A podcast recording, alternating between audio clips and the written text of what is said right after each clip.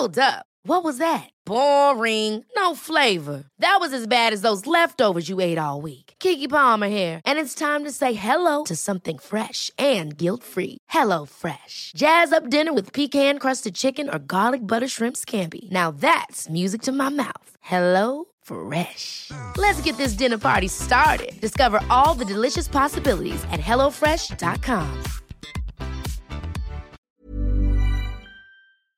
Hormoner är en naturlig och livsnödvändig del av kroppen. Ändå finns det en stor okunskap kring hormoner och vi märker att många inte känner till hur menscykeln eller olika preventivmetoder fungerar. Den här okunskapen kan skapa en rädsla för hormonbehandlingar eller hormonella preventivmetoder och också göra det svårt att veta om och när man ska söka vård för mensrelaterade besvär. Hormoner diskuteras ofta i media, men ibland saknas en vetenskaplig grund för informationen och osanningar och myter sprids och får fäste. Vi på Babys podcast tror att kunskap kring kroppen och dess funktioner bidrar till en stärkt självbild och ett ökat välmående hos kvinnor. Det är ju just därför vi gör den här podden. Kunskap är makt helt enkelt. Därför vill vi tipsa om en hemsida där du kan få den vetenskapligt grundade fakta du behöver och förtjänar. Hormonguiden.se är ett initiativ av Gedeon Richter och är en hemsida framtagen i syfte att öka kvinnors kunskap om hormoner. Som barnmorska och gynekolog gillar vi verkligen den tydliga informationen med bra bilder, strukturerad genomgång av menscykeln och preventivmedel. Gör dig själv en tjänst och skaffa dig mer kunskap om din kropp och dina hormoner. Besök hormonguiden.se. Hej och välkomna till ännu ett Babys podcast. I studion sitter jag, Karina barnmorska. Och jag, Rebecka gynekolog. Och Rebecka, som barnmorska och gynekolog förlossningsläkare så pratar vi ju om fakta, vetenskap. Ja, precis. Eh, och ibland eh, kanske vi svävar ut och har lite andra ämnen om förlossningsberättelser och graviditetsberättelser. Men grunden för oss är ju att det ska vara vetenskapligt underbyggd fakta och att man ska kunna lita på oss. Eller hur Karina? Ja men absolut, så är det och det vill vi.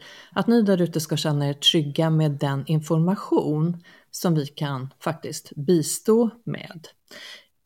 Och vi har ju bjudit in, inte idag, men många andra gånger så har vi ju också otroligt fantastiskt bra experter med oss.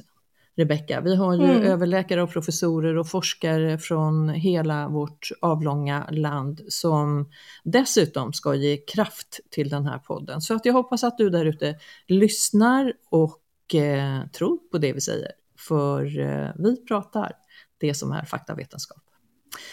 Men idag då, Rebecka? Idag ska det handla om ett ämne som jag som barnmorska inte vet så mycket om. Jag kommer att ställa otroligt korkade, kanske, frågor.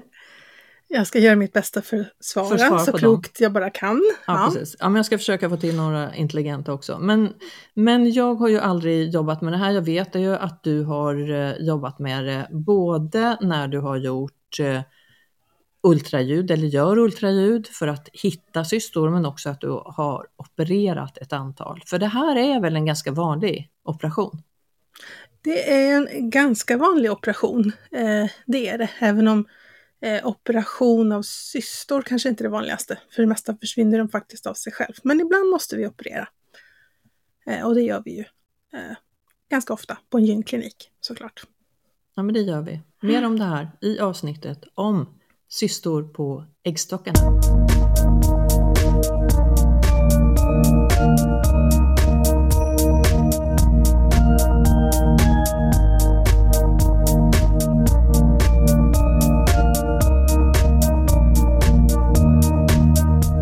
Börjar vi Rebecka? Cystor på äggstockarna. Först kanske vi ska säga att cystor kan man ha överallt i kroppen.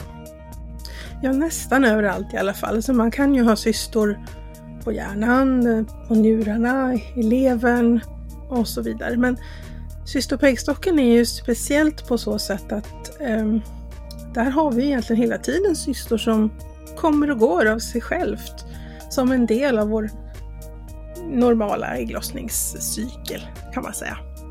Eh, så just äggloss, som äggstockscystor är ju på så sätt lite skild från cystor som man kan få på andra delar av kroppen.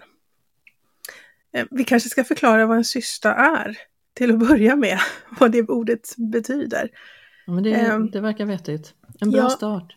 Ja, en cysta är ju egentligen ett, eh, ett vätskefyllt rum, som ett hålrum eller en stor blåsa kan man tänka. Så att den har liksom väggar som kan vara mer eller mindre tjocka och inuti så är det kanske vätska, det kan också vara annat innehåll, mera fast innehåll. Men om man tänker sig ett, ett hålrum med vätska i, det är väl liksom grunden för en cysta.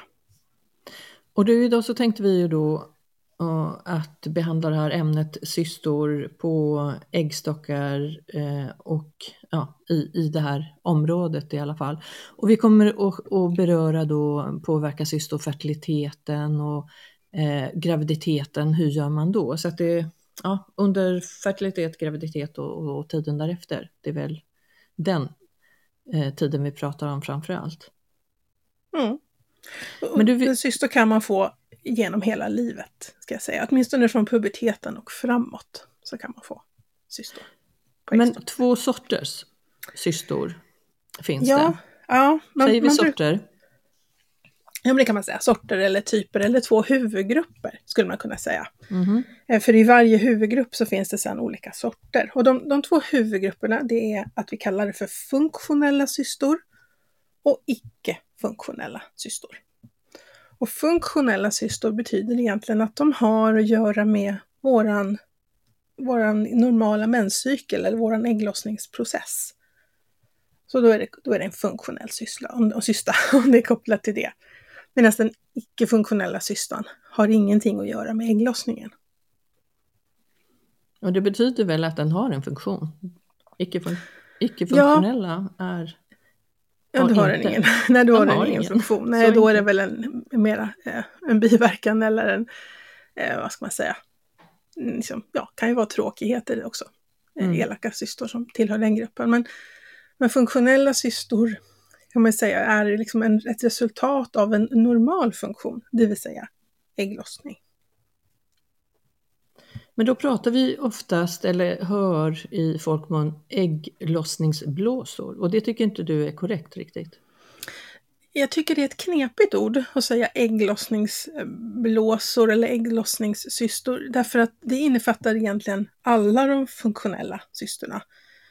Ehm, det finns två stora grupper av funktionella cystor. Den ena är det som vi ofta kallar för follikelcysta eller en äggblåsa. Det vill säga när ägget mognar så kommer rummet som den ligger, till, ligger i att successivt bli större och större och ha mer och mer vätska i sig.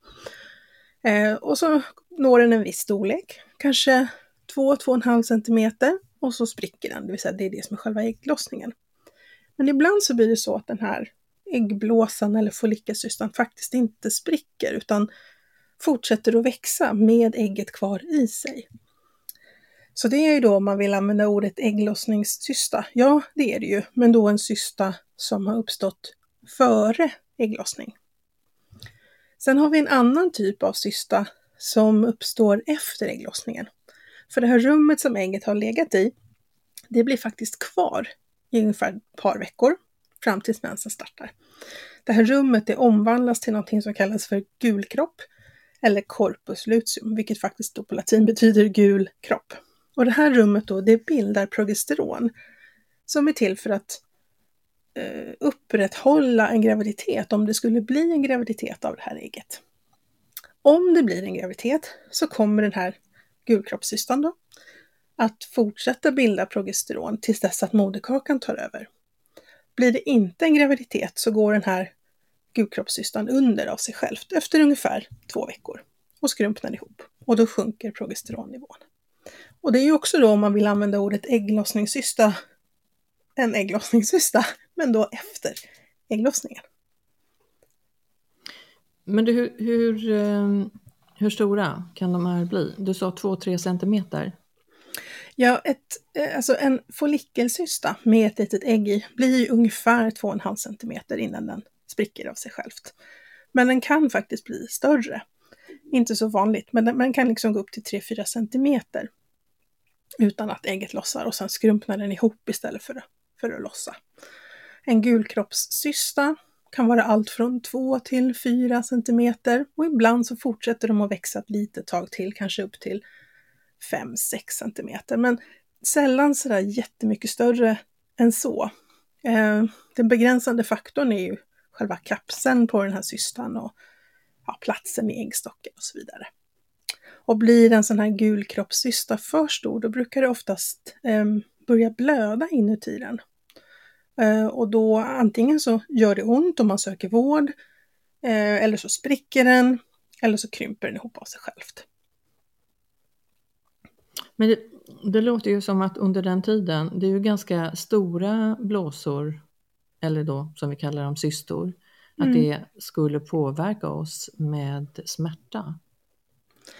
En cysta som är kring 3 cm, kanske 4 cm, känner vi oftast inte av. Det finns ganska gott om plats i buken. Eh, och tarmarna ju, ligger ju nära, men de är ju flyttbara. Så att tarmarna flyttar helt enkelt på sig för att ge plats åt den här. Om en cysta börjar bli 5-6 cm, då brukar vi kunna börja känna av den. Kanske som en, som en tyngd eller en verk eller att det är tryck på urinblåsan. Till exempel. Sen kan en del såna här funktionella cystor också bilda lite hormon som kan störa vår menscykel och ge mellanblödningar eller blödningar strax innan mens till exempel. Um, men, men de flesta cystor upp till 4-5 cm, de märker vi inte ens utan de uppstår och sen försvinner de av sig självt och så vet vi själva aldrig att den var där. Sen finns det några tillfällen då de kan ställa till med trassel fast de inte är så stora och det är till exempel om de brister. För då kommer den här vätskan som finns inuti cystan, då rinner den ut i fri bukhåla och retar bukhinnan. Och det gör ont. Och då brukar, eller jag ska säga, då är det ganska vanligt att man söker vård. Gynekolog, gynmottagning och så vidare. För att det, det är en ganska plötslig smärta. Eh, gör rejält ont till en början. Och sen kan den här smärtan fortsätta som ett molande eller gnolande i magen upp till en vecka. Men, men de här som inte spricker utan fortsätter, vad är anledning till dem? Att de ter sig på just det här sättet? Alltså, vi vet inte exakt varför det är så att vissa cystor eh, fortsätter att växa och andra spricker vid 4-5 centimeter.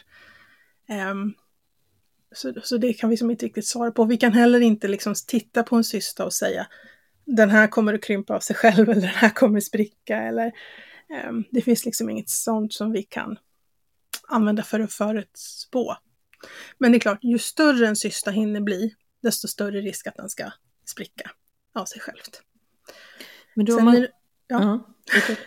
Nej, jag tänkte också säga att, att, om en cysta blir väldigt stor eh, så blir det ju också så att den, den blir ju tung och liksom drar äggstocken liksom nedåt i kroppen och då kan den här äggstocken faktiskt börja snurra kring sin egen skälk och strypa blodflödet till äggstocken.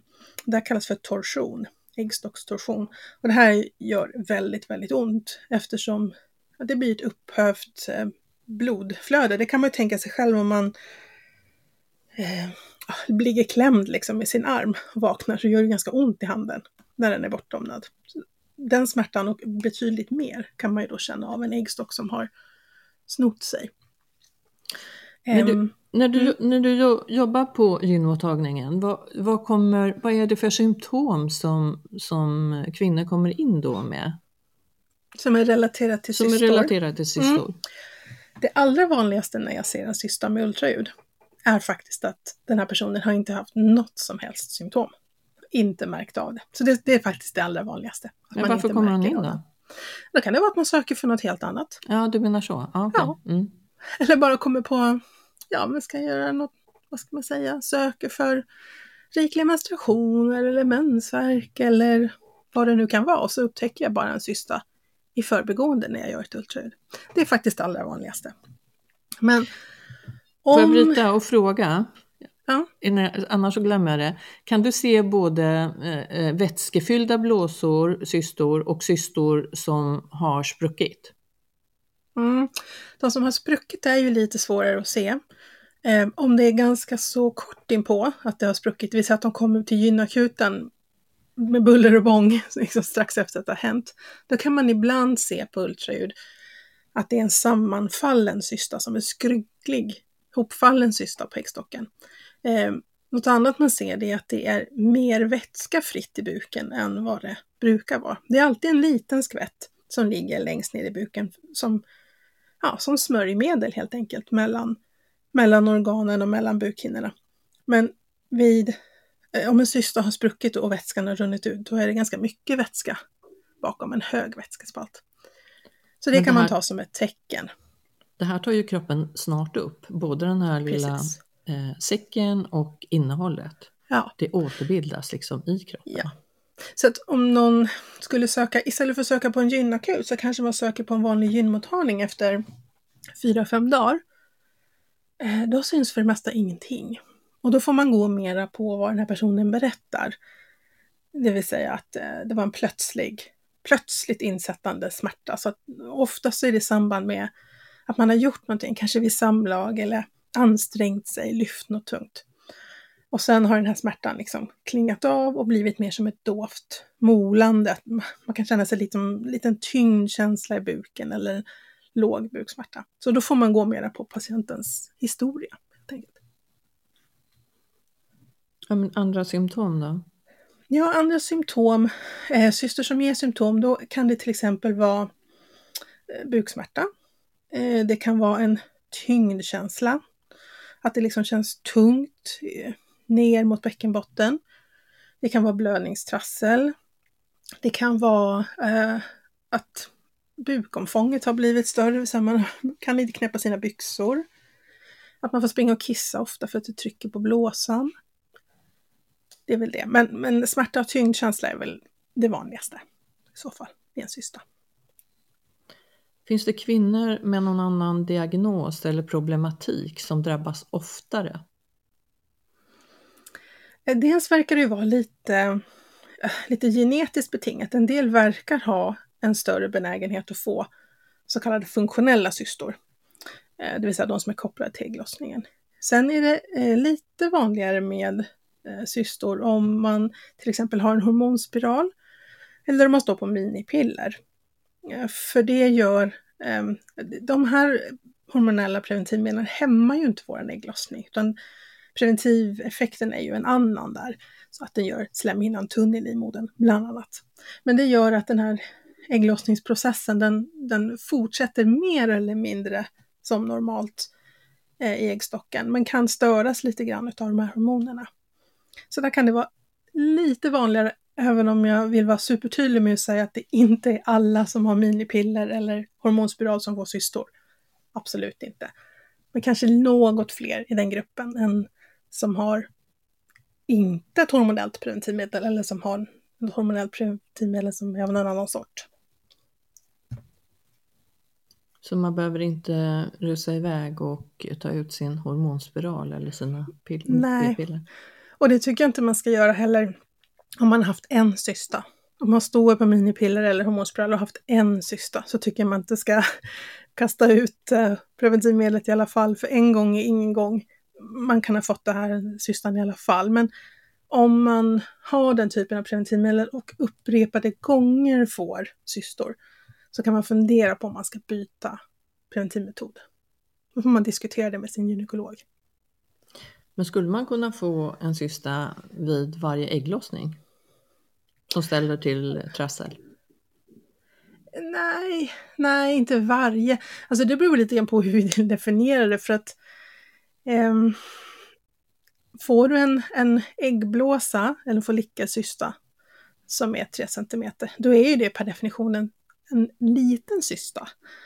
Och den här gulekroppen, om den blir 3 cm, så är det också en liten cysta. Så egentligen får vi ju en, små cystor i samband med varje ägglossning som kommer och går och försvinner av sig självt.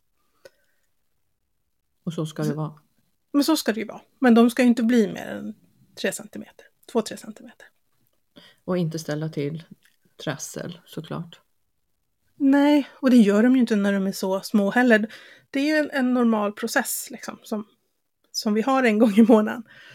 Men Rebecka, nu har du pratat om eh, preventivmedel som ska öka risken för cystor. Tvärtom då, vilka kan hämma eller minska mm. risken? Um, preventivmedel, eller så här p-piller som innehåller både eh, gulkroppshormon och östrogen, de eh, minskar faktiskt risken att drabbas av cystor. Ehm, så ibland är det så att om vi har en patient som ja, ganska ofta får cystor och haft mycket trassel med det, så använder vi så kallade kombinerade p-piller som en typ av behandling, en förebyggande behandling för att inte det ska bildas fler cystor. Ehm, p-spruta som är också en väldigt högdoserad metod med gulkroppshormon ehm, blockerar också eh, utvecklingen av cystor. Så det är också ett, ett möjligt alternativ för den som har återkommande bekymmer. Så det, det är något som vi ibland faktiskt sätter in. Men du, vi sa i inledningsvis där lite att eh, nu vill vi ju i det här avsnittet prata mer om påverkar cystor fertiliteten och kan man få dem under graviditet? Om du skulle börja med det första, påverkar det fertiliteten? Det kan det göra om, om det är en cysta som blir väldigt stor. Eh, för då är det ju så att den här cystan tar ju plats i äggstocksvävnaden och tränger undan eh, no, den liksom normala platsen för små ägganlag att mogna till ägg. Så att är det en stor cysta så kan den faktiskt störa ägglossningen, påverka ägglossningen. Eh, sen finns det ju, vi har inte pratat om de här icke-funktionella cystorna än, det ska vi gå igenom, men några av de här icke-funktionella cystorna kan också röra till det lite grann. Dels för att de är stora och tränger undan, men också för att de kan göra det lite mer krångligt om man behöver göra en fertilitetsbehandling till exempel. Eh, vid vissa fertilitetsbehandlingar så gör ju vi en så kallad hyperstimulering, det vill säga med hjälp av läkemedel så vill vi att många ägg ska mogna. Och när vi har då många ägg så plockar vi ut dem via slidan med en nål. Eh, men är det då en stor och icke-funktionell cysta så vill vi inte sticka igenom den. Så det, det, då kan det göra att det blir lite krångligare att behandla. Så att ibland är det faktiskt så att man, att man inför en fertilitetsbehandling behöver ta bort cystor för att liksom, ja, få bättre effekt, för att kunna fertilitetsbehandla överhuvudtaget.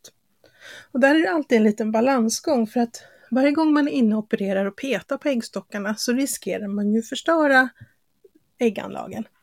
Man ser ju inte dem med blotta ögat och man ser dem inte heller när man opererar. Så att det finns alltid en risk att man liksom stör den normala äggstocksvävnaden när man opererar. Så kan vi undvika att operera så gör vi helst det.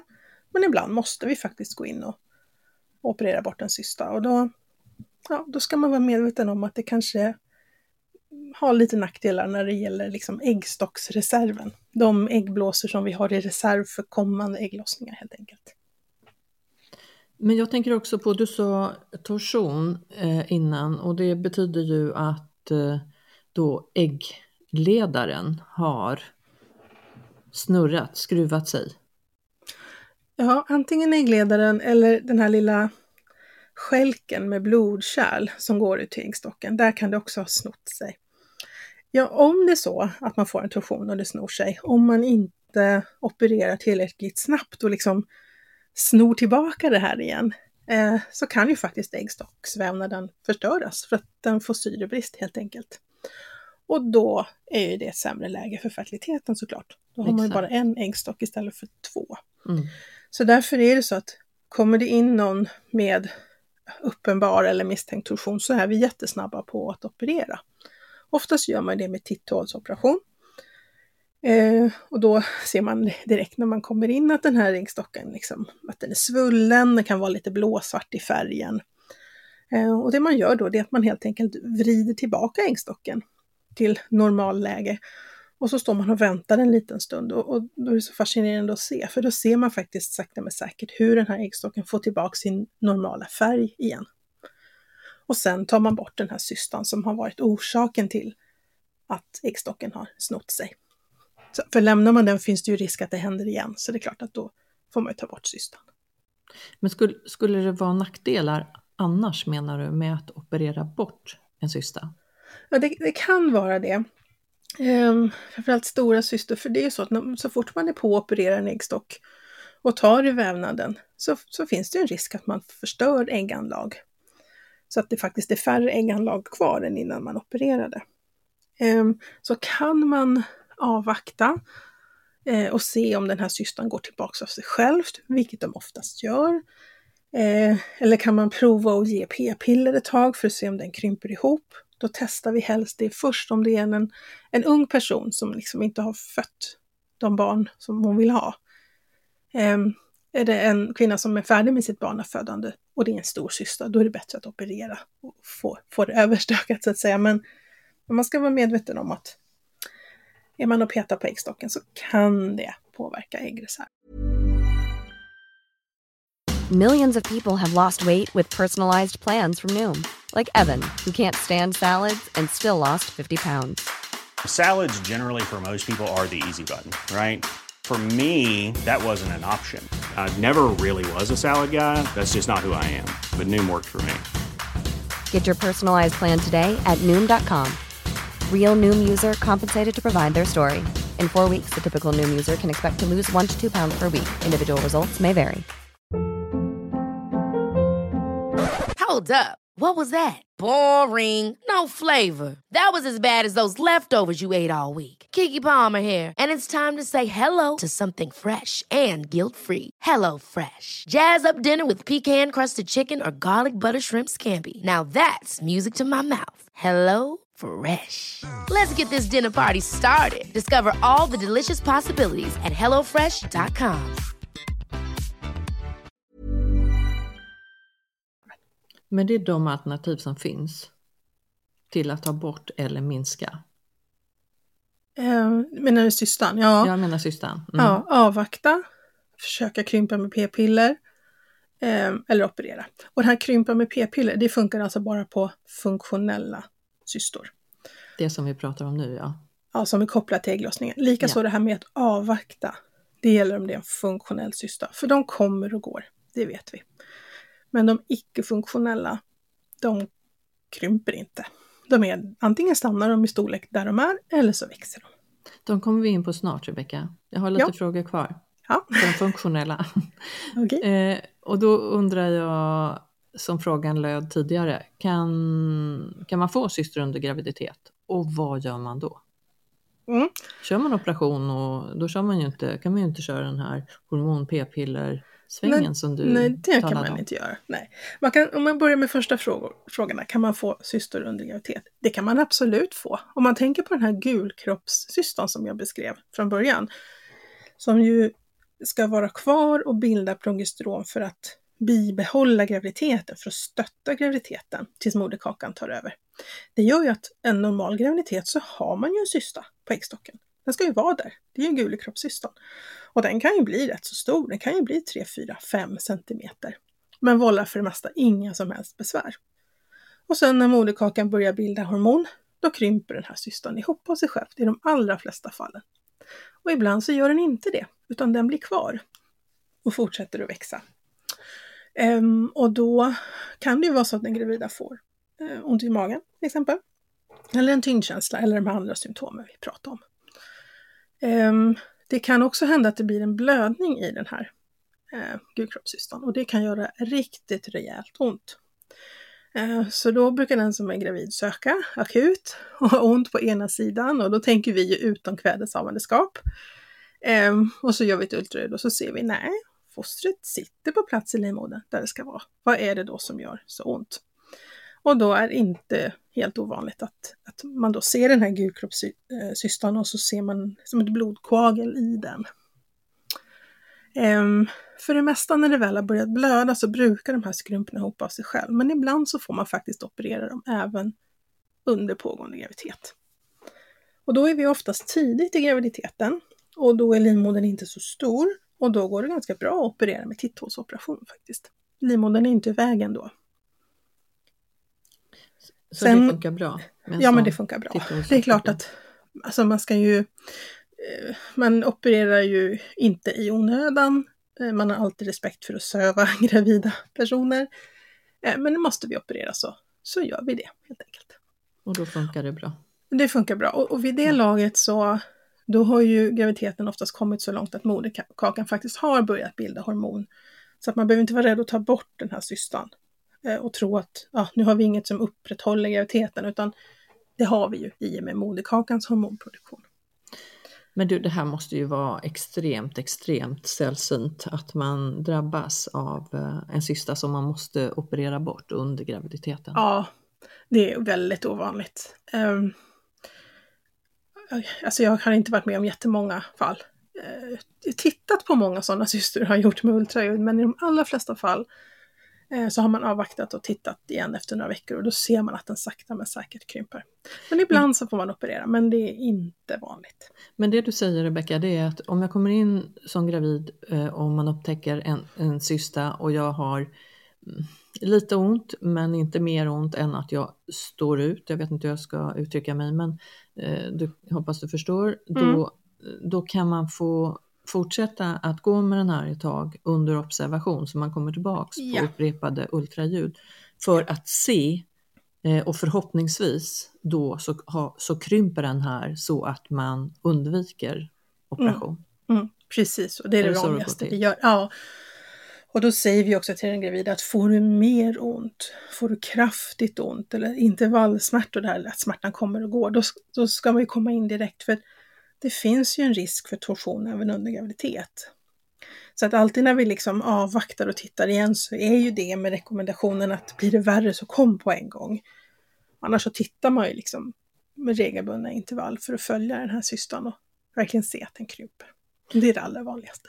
Ja men exakt och jag tänker eh, när och var ska jag söka vård och det är ju alltid liksom när jag får plötsligt ont i underlivet eller nedre delen av magen och det, och det inte går över på en stund och sen så kan man ju såklart eh, ringa sin mödrahälsovård eller förlossningen också men de här kraftiga smärtorna i nedre delen av magen eh, som kanske kommer i omgångar med pauser emellan, här, här ska man ju helst åka indirekt eller ta kontakt med vården mm. omgående i alla fall. Mm.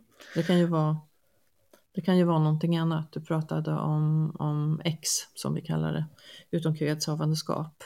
Mm. Eller annat. Som vi också har ett avsnitt om förresten. Som vi också har ett mm. avsnitt om, ja. såklart vi har. Ja. Men, Men ja. ja. vi har inte pratat om de här icke-funktionella. Men du, en, en, men, en fråga ja. innan vi går in på icke-funktionella. Eh, vi pratar ibland om cystruptur.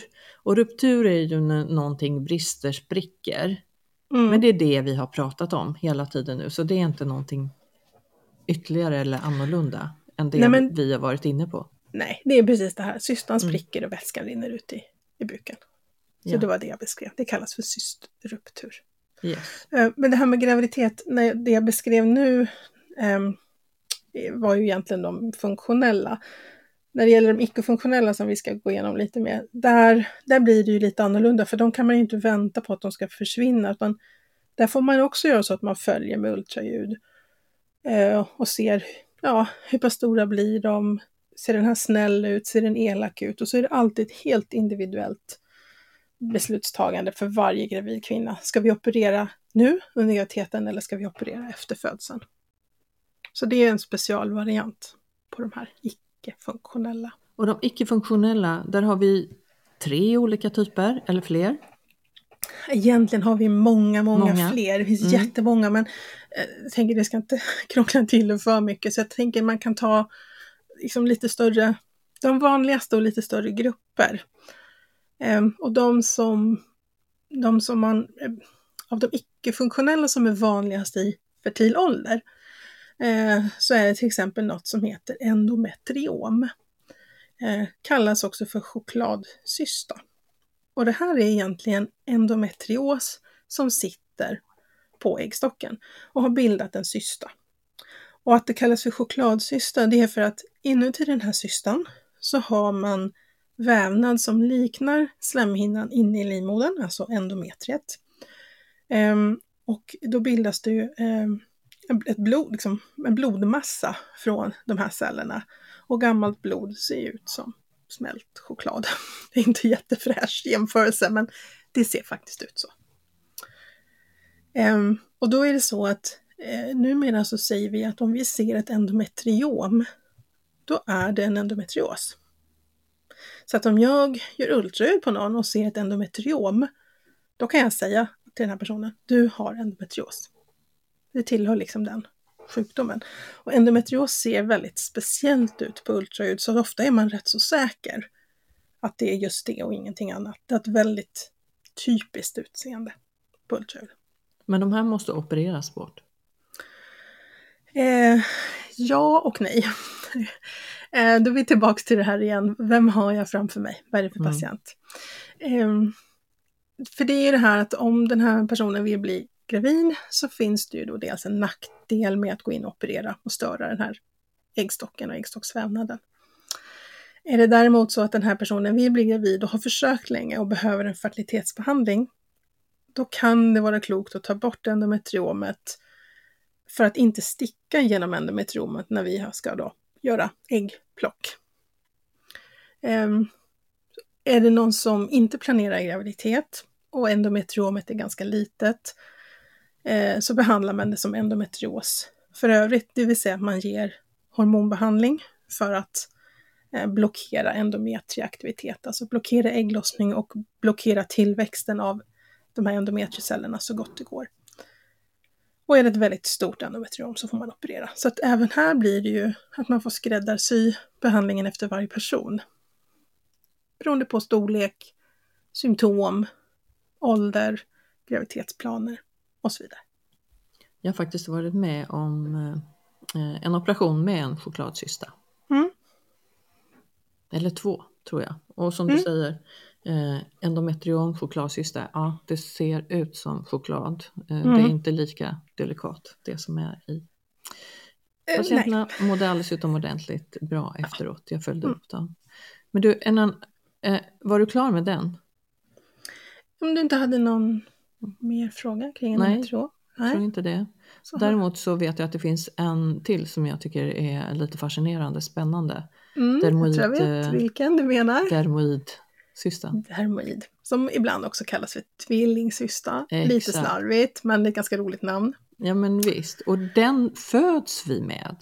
Ja, Eller anlagen till. ja ja vi föds med, med den, men då är den ju så mikroskopisk. Eh, så att då kan man väl kalla det för ett anlag och sen växer den sakta, sakta, sakta till. Så att när den väl är så stor så att den ger symptom eller upptäcks, då är oftast personen kring 25-30 års åldern. Jag har träffat några som har fått operera bort dermoidcystor i tonåren, men det är vanligare 25-30. Eh, och att man kallar det för tvillingcysta, vet du vad det beror på? Har man svalt sin tvilling? Kanske Eh, inte. jag tror inte man har gjort det. Nej, det har man faktiskt inte gjort. Men det kan Eh. ha varit en tvilling som har tillbakabildats. Ja, man tror inte egentligen att, att det är det heller. Därför Mhm. att det, det händer ju ibland att man har en tvilling som tillbakabildas. Men då ligger ju det lilla fostret bredvid barnet i sin egen lilla skrumpna säck eh, i samband med födseln.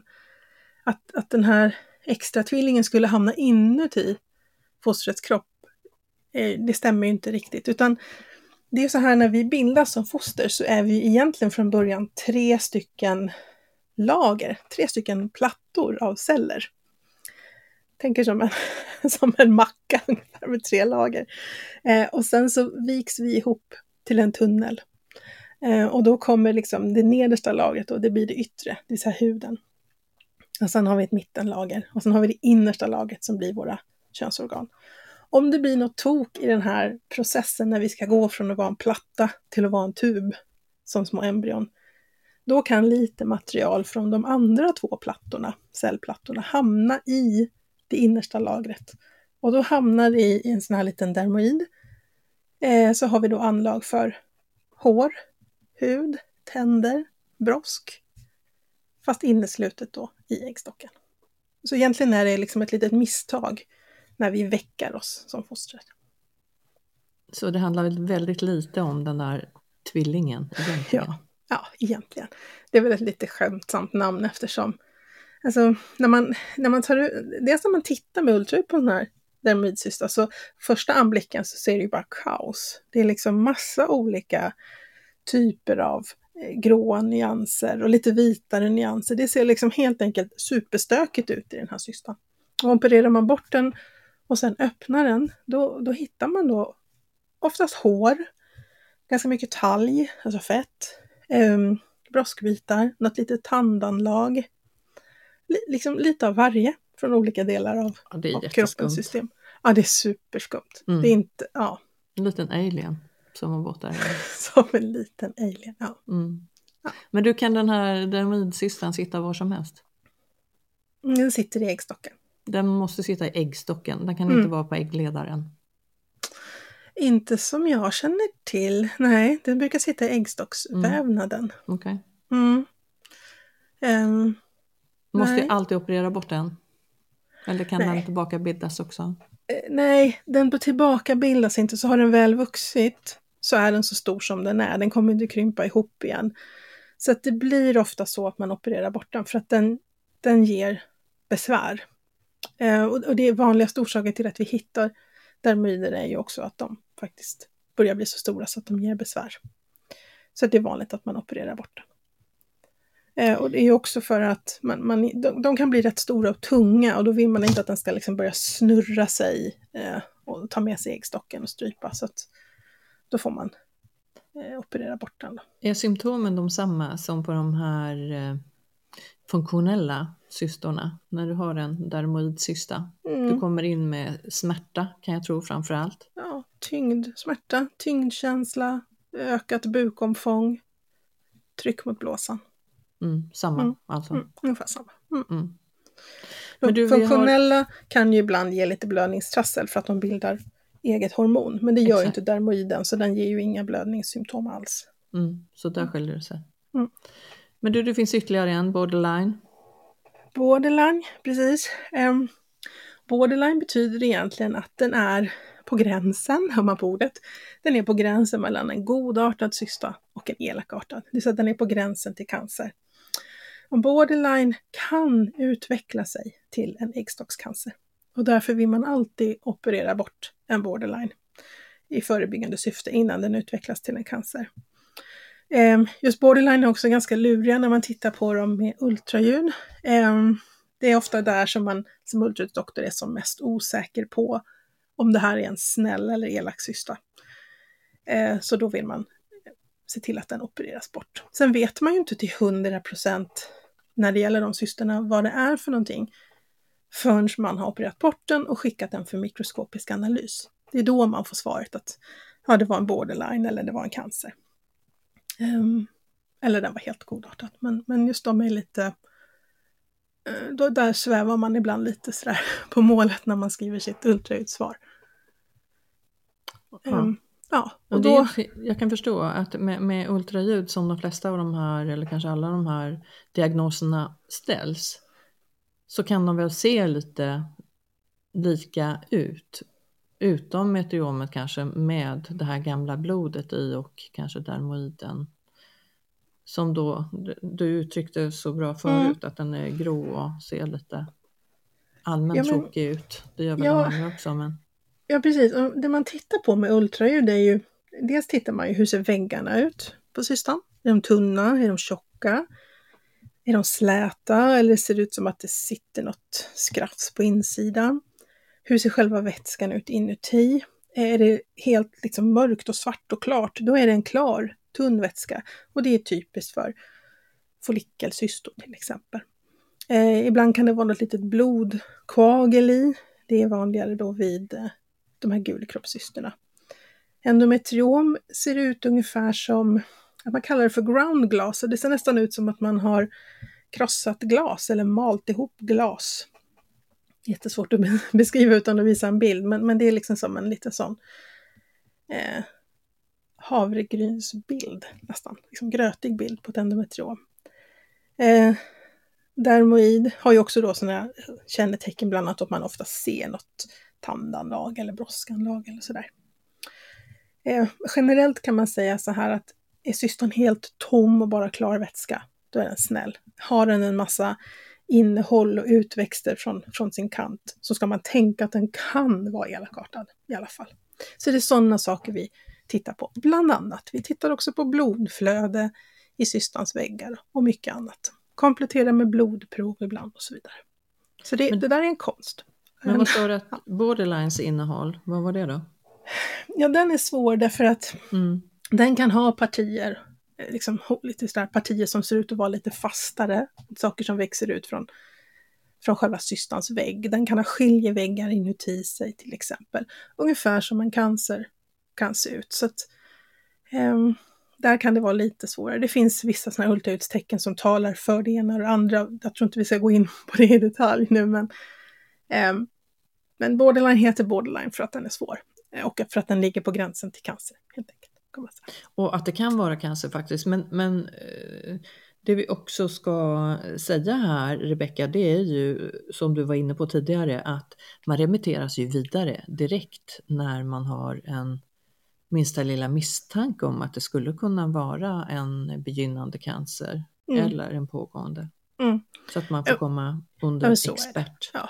Då skickar man, skickas man ju till liksom, specialkliniker. Vi har ju speciella cancercentra eh, runt om i landet, liksom i varje region. Så då skickas man dit för, för liksom, vidare ultraljud, eh, andra typer av röntgenundersökningar och så vidare.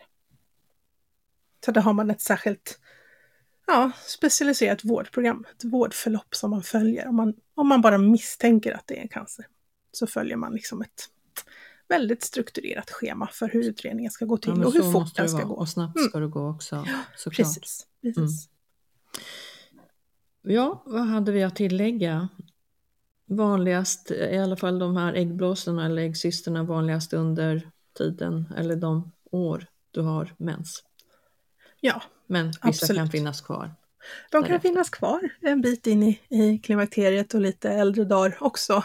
Um, jag har haft patienter som har varit i 75-80-årsåldern som har haft kvar sina funktionella cystor. Då är de ju inte hormonproducerande längre, men ja, de är bara där, växer inte, ser lika snälla ut efter 20 år och då får de bara vara om de inte ger några besvär heller.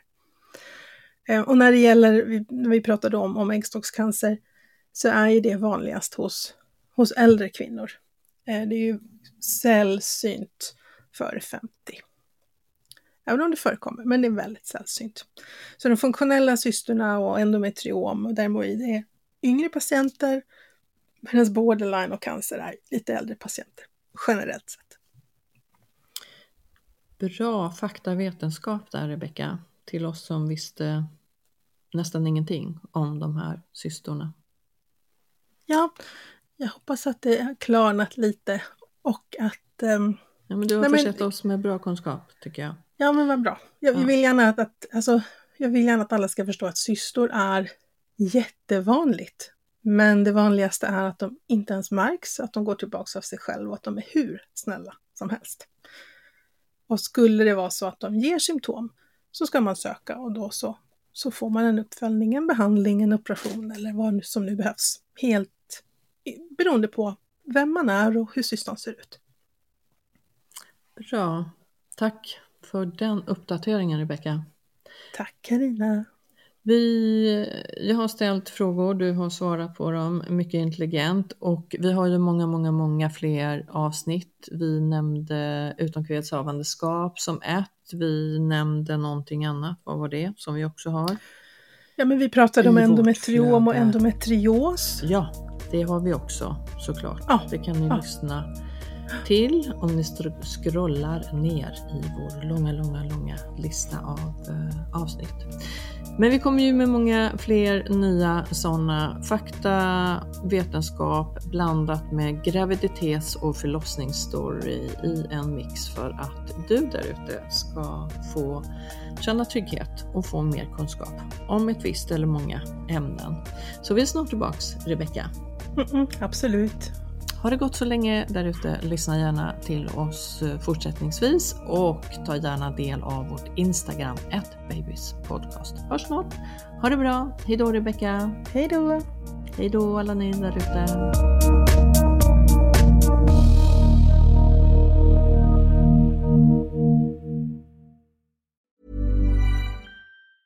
Have catch yourself eating the same flavorless dinner three days in a row? Dreaming of something better? Well, HelloFresh is your guilt-free dream come true, baby. It's me, Gigi Palmer. Let's wake up those taste buds with hot, juicy pecan-crusted chicken or garlic butter shrimp scampi. Mm. Hello Fresh. Stop dreaming of all the delicious possibilities and dig in at HelloFresh.com. Let's get this dinner party started. Imagine the softest sheets you've ever felt. Now imagine them getting even softer over time. That's what you'll feel with Bowl and Branch's organic cotton sheets. In a recent customer survey, 96% replied that Bowl and Branch sheets get softer with every wash. Start getting your best night's sleep in these sheets that get softer and softer for years to come. Try their sheets with a 30-night guarantee. Plus, get 15% off your first order at bowlandbranch.com. Code BUTTERY. Exclusions apply. See site for details.